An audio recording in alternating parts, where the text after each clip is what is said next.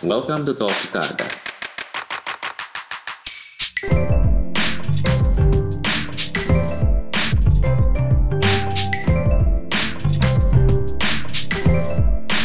Enjoy the ride. Halo, selamat datang di Talk Cikarda. Hai Mbak Citra, Hai. apa kabar?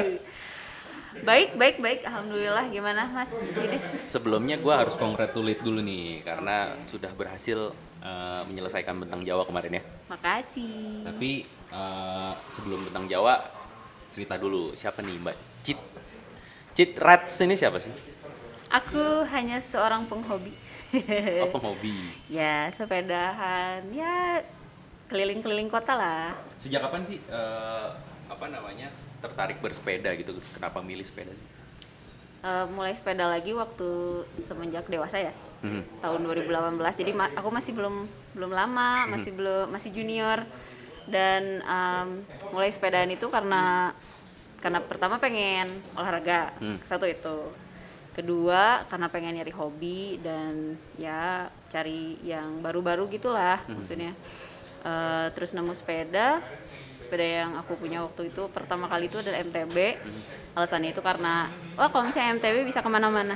Nggak cuma hanya di jalan aspal tapi juga bisa ke gunung kan. Karena you know lah kalau misalnya di Bandung kan banyak gunung ya. Ya. dan aku emang ada ketertarikan untuk ke tempat-tempat yang seperti itu yang yang alam-alam banget lah yang alami-alami.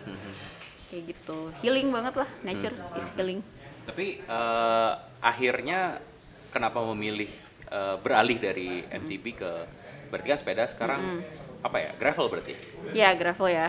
Em, beralih ke M- ke gravel dari MTB sebenarnya kayak alasannya itu kalau misalnya gravel itu dia kayak a little bit of both gitu loh. Kayak dia bisa aspal dan dia juga bisa a little bit off road gitu kan. Dan kelebihannya gravel itu karena dia bisa di aspal dan karena akunya juga suka eh, bisa dibawa jauh. Kalau Oh. MTB kan karena eh, apa sih kayak sifat dia yang memang untuk di gunung susah kalau bi- maksudnya bisa aja ya dibawa jauh cuman nggak nggak ideal dan Habitatnya beda lah ya. iya dia kayak gitu sih Nah bisa dibawa jauh. Kenapa tertarik jadi long distance ride yang tadinya ke gunung? Ya walaupun bisa ketemu gunung juga sih, bisa ketemu eh, alam juga. Apakah itu alasannya? Eh, kenapa? Siapa yang nyemplungin pertama kali ke long distance dan kenapa memilih long distance ride? Yang nyemplungin diri aku sendiri sih sebenarnya Oh gitu. iya jadi pertama kali waktu itu aku aku kan rumah di Dago nih Mhm. Nah, eh, se- sementara ada rumah orang tuaku di di selatan di Pangalengan. Itu tuh jaraknya 50 kilo. Dan aku mikir kayak ah mau ah nyobain ke sana gitu kan. 50 kilo terus balik lagi ke rumah, maksudnya ke rumah di Dago, berarti kan 100. Nah, itu pertama kalinya aku Grand Fondo Oke. di situ. Dan happy banget Pakai MTB tuh. pakai MTB Oke. waktu itu happy banget jadi pas pakai MTB juga udah udah suka long ride maksudnya long ride masih di 100 lah Ya. maksudnya aku itu consider kayak apa namanya kayak achievement waktu itu Ya. dan gak hanya cuman jarak juga Ya. tapi karena aku tuh sering banget ke Pangalengan cuman waktu ke Pangalengan pakai sepeda Beda. beda banget feelnya karena di Pangalengan itu emang udah emang landscape-nya memang udah indah banget ke sana pakai mobil pakai kendaraan bermotor ya itu udah wow gitu. Loh apalagi orang kota gitu kan lihat yang ijo-ijo seneng banget. Ke sana ke sananya suffer pakai sepeda disuguhin sama pemandangan yang wow gitu. Jadi tempat yang kamu udah biasa lihat dilihat ke sana pakai sepeda itu beda rasanya. Ya, ya. dan itulah yang kenapa bikin aku pengen uh, goes jarak jauh. Maksudnya yang uh, tempat yang familiar buat kamu dikunjungin pakai sepeda aja itu udah beda feelnya apalagi tempat yang baru Ya, ya, Gitu. ya. Berarti padahal ibaratnya dilaluinya nggak cuman sekali hidup, nggak nggak baru gitu ya. Iya, tapi, baru. tapi jadi jadi baru ya. iya Nggak nggak. eh, oh itu itu berarti awal mula lo jatuh cinta sama long ride. ya Berarti jadi lo- kayak discover places gitu loh Oke, dari dari situ berarti eh, lo ngelanjutin long distance ride pakai eh, MTB, lalu beralih ke gravel, gravel iya karena uh, ya itu MTB kan ya. ada ada kekurangannya ya sementara pas aku ganti ke gravel ternyata wah mas eh, jaraknya masih bisa jadi lebih jauh gitu Ya, ya, ya. Semakin bisa makin jauh karena lagi. lebih lebih nyaman lagi kan Ya, ya, ya. Nah, eh, selain healing tadi, pengalaman apa aja sih mbak yang lo dapetin dari dari long distance ride? oke kayaknya waktu untuk sendiri kayaknya Oke, itu itu jawaban hampir semua eh, pesepeda yang yang Pesepeda jarak jauh ya? jarak jauh ya. Itu Iya. itu benar terjadi nggak sih meditasi, terus self relief, terus eh, apa namanya eh, ngaca sama diri sendiri itu itu itu beneran beneran kejadian. Eh, buat aku ya Jadi jadi justru bukan nyari selain nyari sen- sinerinya, berarti nyari diri sendiri. Iya, karena kalau misalnya lagi jarak jauh, eh, pan- eh, apa sih dan sendiri itu kayak ya mau nggak mau, kamu pasti bakal sendiri sama pikiran kamu kan, dan nggak bisa kabur gitu dari situ. Di Ya, situ ya. kamu harus jujur sama diri kamu sendiri apa yang kamu rasain, Ya, ya, apa yang kamu lihat, terus kayak bisa refleksi diri juga di situ kayak oh ini sakit, oh ini nggak enak, oh ternyata eh, tempat ini tuh seperti ini.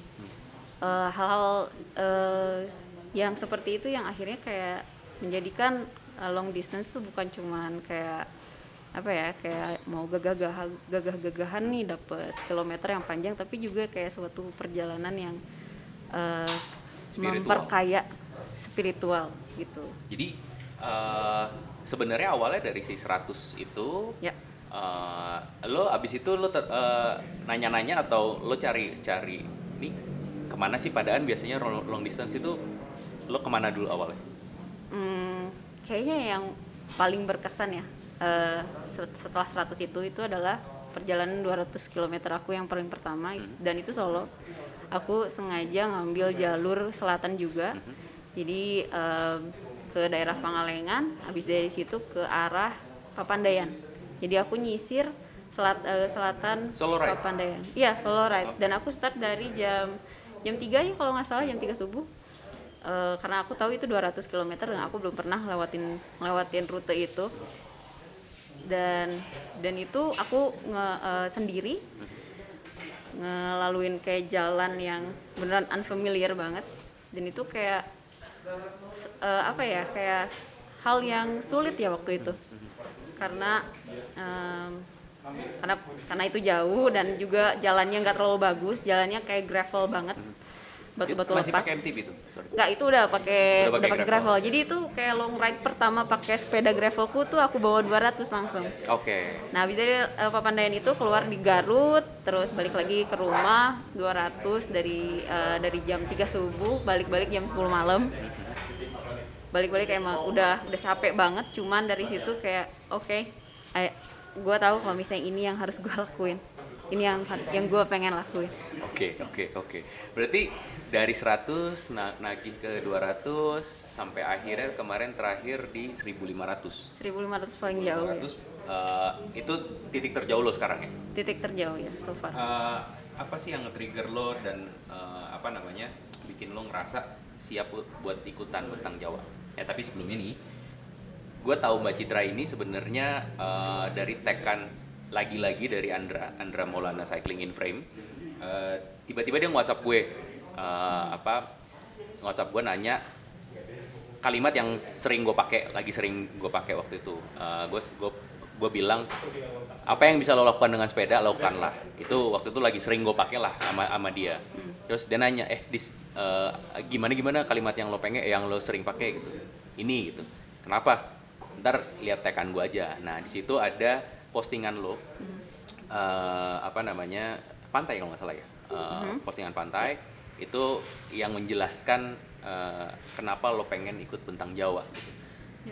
Itu eh, move me sih maksudnya eh, apa namanya oh ad- apa si kalimat itu jadi jadi sangat berarti banget begitu begitu eh, ditempelin ke postingan lo itu ada ada cerita apa mbak di situ bisa diceritain Oke, jadi em, aku tuh kayak ikutan bentang Jawa pertamanya ya. Ini benar-benar superficial reason banget. Aku pengen kayak step up my game. Ya. Kayak Pasti. di Januarinya itu kan aku baru beres 1000 dan itu aku happy banget kan. Terus ini ada eh, formatnya race nih 1500 ayolah gas gitu kan. Habis dari situ em, dan itu Oktober kan kebetulan eh, Oktober itu kayak bertepatan dengan em, bulan kesadaran kanker payudara.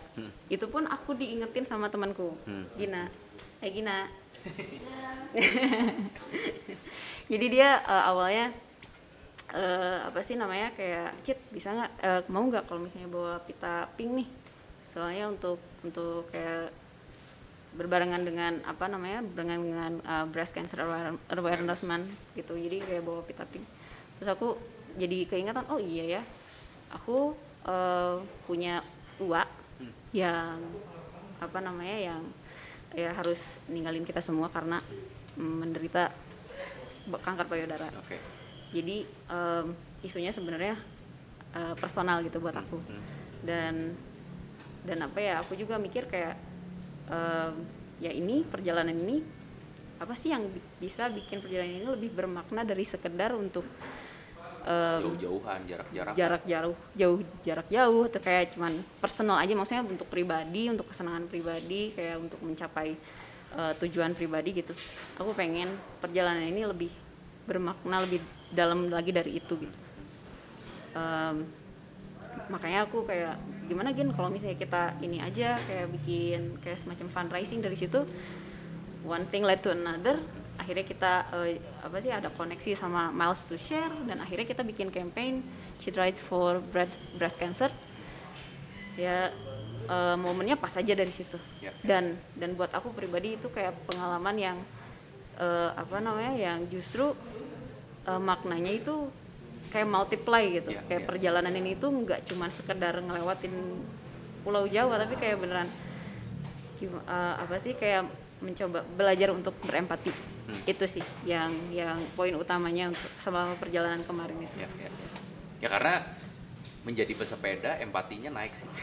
ya karena kita eh, pesepeda kan eh, minoritas ya, maksudnya jadinya Ya. pasti empatinya nambah gitu. Nah, eh, itu juga yang jadi power lo nggak sih? Maksudnya buat eh, lo ikutan bintang Jawa kemarin. Maksudnya eh, ketika lo lagi down ketika lo lagi capek-capeknya itu eh, apa support yang eh, apa karena lo riding with cost jadinya itu jadi jadi tambahan amunisi lo juga nggak sih? big time iya.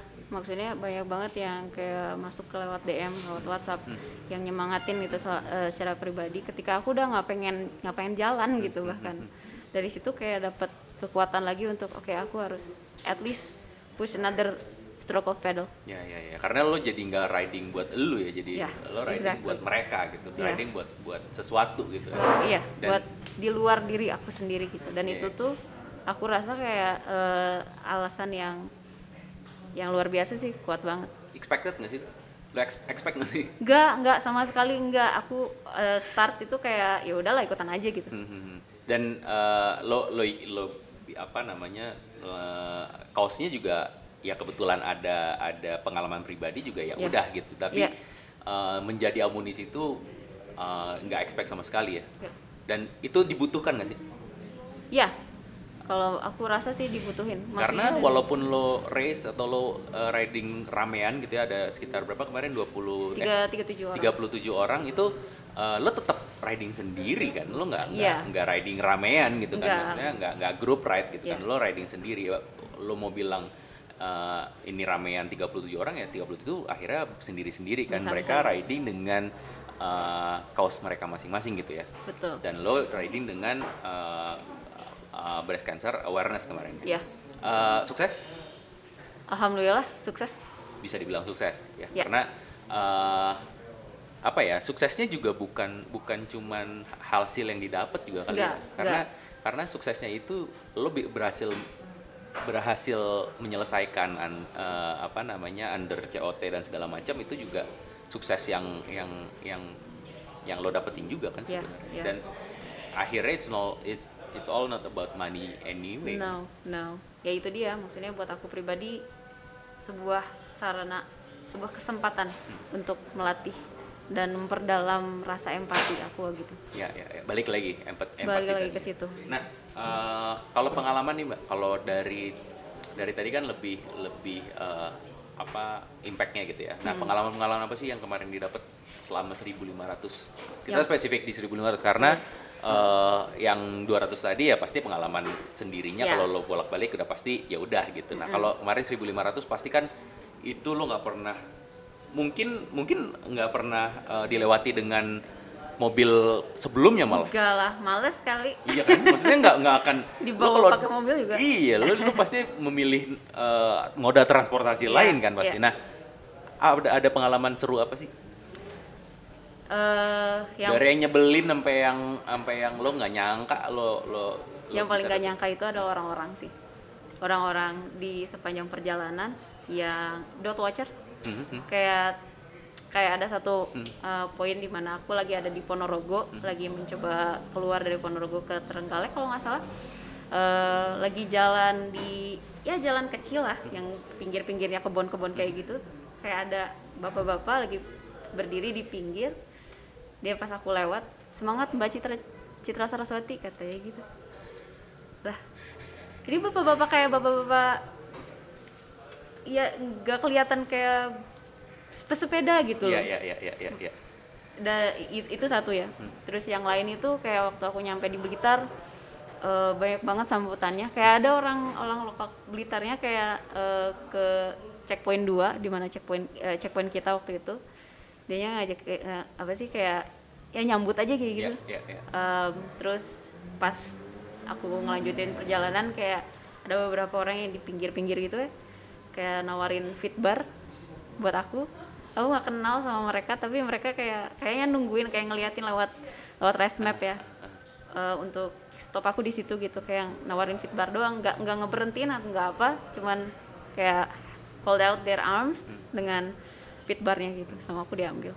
Dan itu tuh sweet banget Itu yang yang yang nggak bisa kita dapat di urban riding di jalanan ibu kota atau Iya. di kota besar gitu ya. Karena eh, ya sama sih eh, apa support kecil yang random di tengah jalan itu sebenarnya yang yang jadi amunisi. Gue jadi inget gue pernah riding gue commuting eh, berangkat kantor gitu ya biasa aja terus tiba-tiba eh, lagi apa namanya ketemu agak tanjakan kecil ada di sebelah kiri itu ada eh, salesnya IndiHome.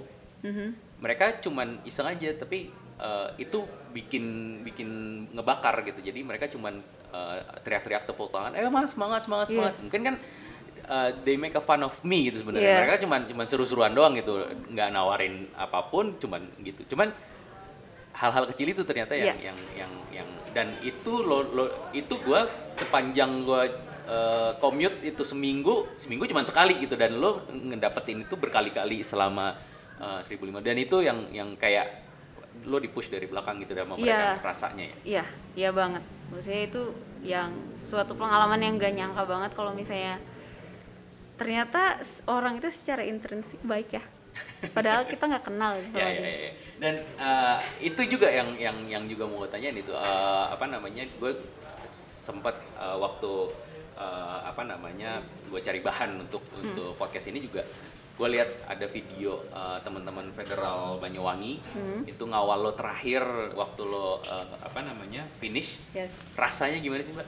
Aduh, itu last day malam-malam di mana cyclopom udah lowbat.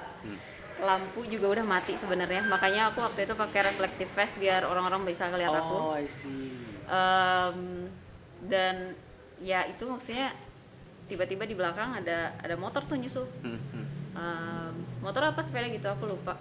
Kayak Mbak Citra ya. Mbak Citra boleh izin ngawal sampai finish. Terus aku ya boleh boleh boleh. Asal mereka di belakang aja kan kita nggak bisa drafting. Ya ya. tapi kayak mereka ada di belakang itu ke- keuntungan buat aku. Kayak karena jadi ada yang nerangin kan Iya, nerangin iya, jalan. iya. dan itu the best feeling ever maksudnya lu kayak istilahnya kayak digelarin karpet merah untuk finish gitu loh. Ini tuh kan hari terakhir dan, dan Tenaga mereka udah sisa-sisa. iya.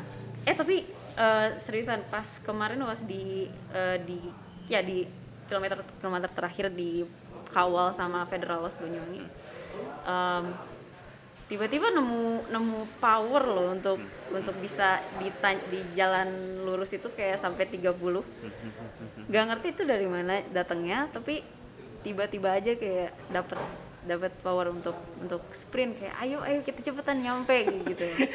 It- itu itu itu gue lihat gue lihat videonya gitu ya. Uh, gue ngeliat lo ngebut banget. Itu tuh uh, apa namanya gue pikir lo ngejar uh, COT gitu. Tapi uh, ternyata itu ya maksudnya Iya, lo iya. nggak nggak nggak berniat ngebut kan sebenarnya maksudnya? Enggak, karena karena tiba-tiba dapat power dari mereka dan lo uh, dapat uh, apa namanya tambahan power lagi jadi lo Iya. di luar dugaan lo lo bisa bisa push Masih ada lo masih ternyata. ternyata masih ada ya Iya itu kayak tenaganya masih ada power tuh. penghabisan kayaknya. Oke, nice, nice.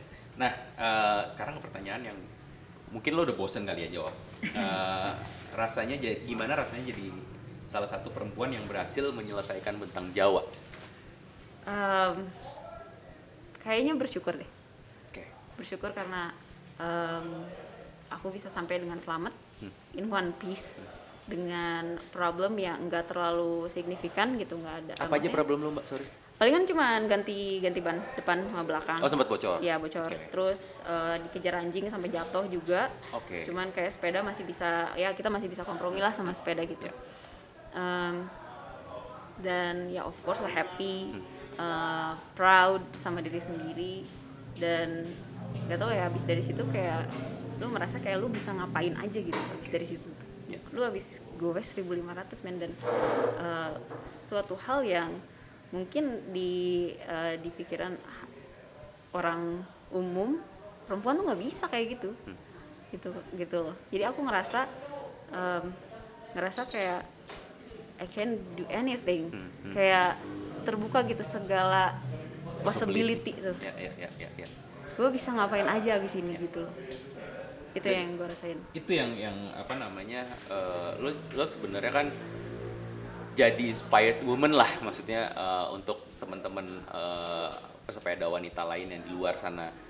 Kira-kira ah nggak mungkin lah. Maksudnya ya mungkin mungkin mungkin sebenarnya mampu gitu ya. Maksudnya semua pasti bisa gitu ya. Maksudnya kadang-kadang kan eh, teman-teman pesepeda cewek itu biasanya suka nahan diri sendiri gitu kan. Maksudnya Iya. eh, ah nggak mau ah jauh banget gitu padahal dia bisa gitu nah eh, lo ada pesan nggak sih maksudnya eh, gimana sih caranya ngebikin eh, keyakinan dan pede untuk sepedaan jauh, sepedaan di tengah kota tuh nggak apa-apa loh. Sepedaan di tengah kota tuh aman loh. Sepedaan jauh tuh sebenarnya aman loh. Kayak lo 1500 sendiri ya, quote unquote sendiri itu aman gitu. Maksudnya eh, sharing pengalaman atau sharing apa buat teman-teman eh, pesepeda cewek di luar sana yang sebenarnya dia tertarik gitu. Maksudnya bisa nggak ya? Kalau dulu di di sebelumnya gue ngobrol sama Mbak Ade Putri itu juga dia kan Jakarta eh, Bali eh, sepedaan itu juga ya dia bilang gitu eh, ya sebenarnya bisa gitu. Nah Ya. dari lo gimana gitu? Maksudnya eh, apa sih eh, pesan-pesan buat teman-teman di sana gitu yang pengen sebenarnya tapi takut atau ragu gitu ada nggak sih eh, tips and trick lah dari lo buat buat eh, sepedaan yang yang yang sebenarnya nggak umum tapi belakangan nih jadi jadi umum gitu. Hmm. Aku sih gak nggak aneh-aneh dan juga mungkin bakal kedengeran klise, Hmm. tapi cuman satu aja, be brave. Oke. Gak nggak ada lagi karena ya eh, bukan bukannya karena brave itu kita nggak takut ya, karena takut itu harus. Harus harus. Karena itu kan kayak self preservation. Lo kan? jadi berani karena ada takut kan? Iya, karena lu takut dulu. Iya. Eh, tapi apa sih yang bisa lu tak- eh, lakuin dengan ketakutan lu? Lu mau mundur atau lu mau maju gitu? Iya. Eh, prinsip gua, let's find out. Hmm. Kayak, oke, gua harus eh, harus ke Ponorogo nih sekarang malam ini. Eh, tapi gua sendiri dan ini gelap posisi eh, jalanan nanjak. Apa aja possible kayak yang bakal terjadi gitu Iya. ya pasti kebanyakan takut sih untuk Ya. menghadapin itu tapi ya kalau misalnya lu pingin mencapai sesuatu dan itu kan berarti obstacle-nya ya Ya. satu-satunya cara ya me- overcome that fear Ya. dengan memilih untuk menjadi berani Ya. itu sih dan satu lagi menyerahkan diri pada Allah Subhanahu Wa Taala karena bener Pasrah Bener. akhirnya ya. Pasrah itu- Pasrahin aja ya. Eh, tapi itu seriusan kayak eh, apa sih mau di mana pun itu mau di mana pun itu kita beneran kayak kemarin kayaknya gue nggak akan finish kalau misalnya Allah nggak hendakin gue untuk finish Finish. karena bisa aja kayak pas gue lagi jalan ditabrak truk bisa aja kan Ya, it's ya. possible gitu kayak Murphy's law lah Ya. Eh, yang hal yang bakal terjadi eh, hal buruk yang bakal terjadi ya bakal terjadi Ya, ya, ya, ya. jadi kayak bener-bener gue menyerahkan diri gue nyitipin diri gue sendiri sama sama sama Tuhan tuh itu vital sih kayak ya udah terserah terserah dirimu aja lah Ya, the rest kan akhirnya eh, lo usaha dulu, Iya. nanti kan yang yang menentukan Iya, kan betul. dia juga gitu Dan kan. itu sih yang Dan dia benar- kan udah bikin ketentuan juga kan sebetulnya. ya jadi kayak hal itu yang bikin lu nggak bisa sombong jadinya Hmm. lu mau prepare se- segimana aja pun juga kalau misalnya ada hal buruk terjadi sama lo itu karena atas kehendaknya Iya, iya, iya, iya. ya. iya. dan ter- eh, yang hal yang nggak terjadi sama lu yang bikin lu selamat yang deliver you to the destination itu juga atas kehendaknya jadi lu nggak bisa sombong Oke, berarti be brave dan pasrah. pasrah serahkan diri dan ya ya jadinya eh, apa namanya eh, kalau terjadi apa-apa di jalan ya ya udah kehendaknya aja gitu. Tapi Iya. kan at least lo usaha dulu gitu kan. Ya itu dia. Dan eh, berarti kalau mau kalau mau apa kalau takut ragu coba dulu kan berarti. Coba dulu yang Coba deket dulu kayak Mbak Citra pun juga ternyata nggak nggak serta merta tiba-tiba 1500 Iya, iya. start 50 dulu 100 100 dulu cobain Grand Fondo 200 dan segala macam gitu 1000 sampai 1500 karena eh, tahapannya kan ada gitu ya. Iya. dan eh, apa namanya gue juga banyak dengar cerita eh, Mbak Citra ini menyelesaikan 1500 itu dengan eh, s- stock bike ya sepeda sepeda sepeda. Beli nggak diapa-apain cuman disesuaikan tinggi dan segala macam pakai gitu kan. Iya. dan ya udah berarti bener nggak ada alasan untuk eh, apa takut karena memang ya sebenarnya itu udah udah disi- dipersiapkan ya men mental harus siap tapi juga harus pasrah berarti Iya, iya. ada rencana sepedaan jauh lagi nggak sih mbak dalam waktu Yang dekat Audax waktu atau dekat Audax sih, yang paling dekat eh, Audax Jogja, Mhm. 600 kilo. Mhm. Dan aku tuh itu aja sih. tapi tapi kalau kalau tiba-tiba eh, lo diajakin lagi 1500 lagi cit tapi eh, beda rute lo mau tetep Mau dong, apalagi beda rute. nah nagih ya ternyata ya. Nagih. ya karena itu maksudnya eh, salah satu hal yang penting juga selama eh, apa sih long ride itu adalah intention. Hmm. Jadi kayak pikirin lagi lu mau ngapain sebenarnya. ya, ya, ya. kalau misalnya aku pribadi eh, intention aku eh, long ride long ride kayak gitu tuh karena aku pengen cari adventure eh, pengen cari pengalaman. Terus apa sih yang bisa gue pelajari tentang diri gue selama perjalanan itu?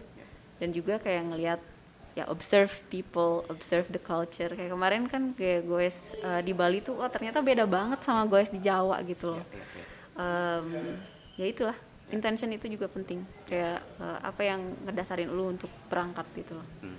pengalaman-pengalaman juga beda-beda ya Iya, iya. eh, a- apa belum dan belum tentu juga lo mengulang rute yang sama lo dapetin pengalaman yang sama kan enggak juga enggak juga pasti akan beda lagi gitu. Iya. Kayak- lo tadi ke Pengalengan, belum tentu lo nextnya naik sepeda ketemu yang kemarin lagi kan Iya. belum tentu pasti beda lagi.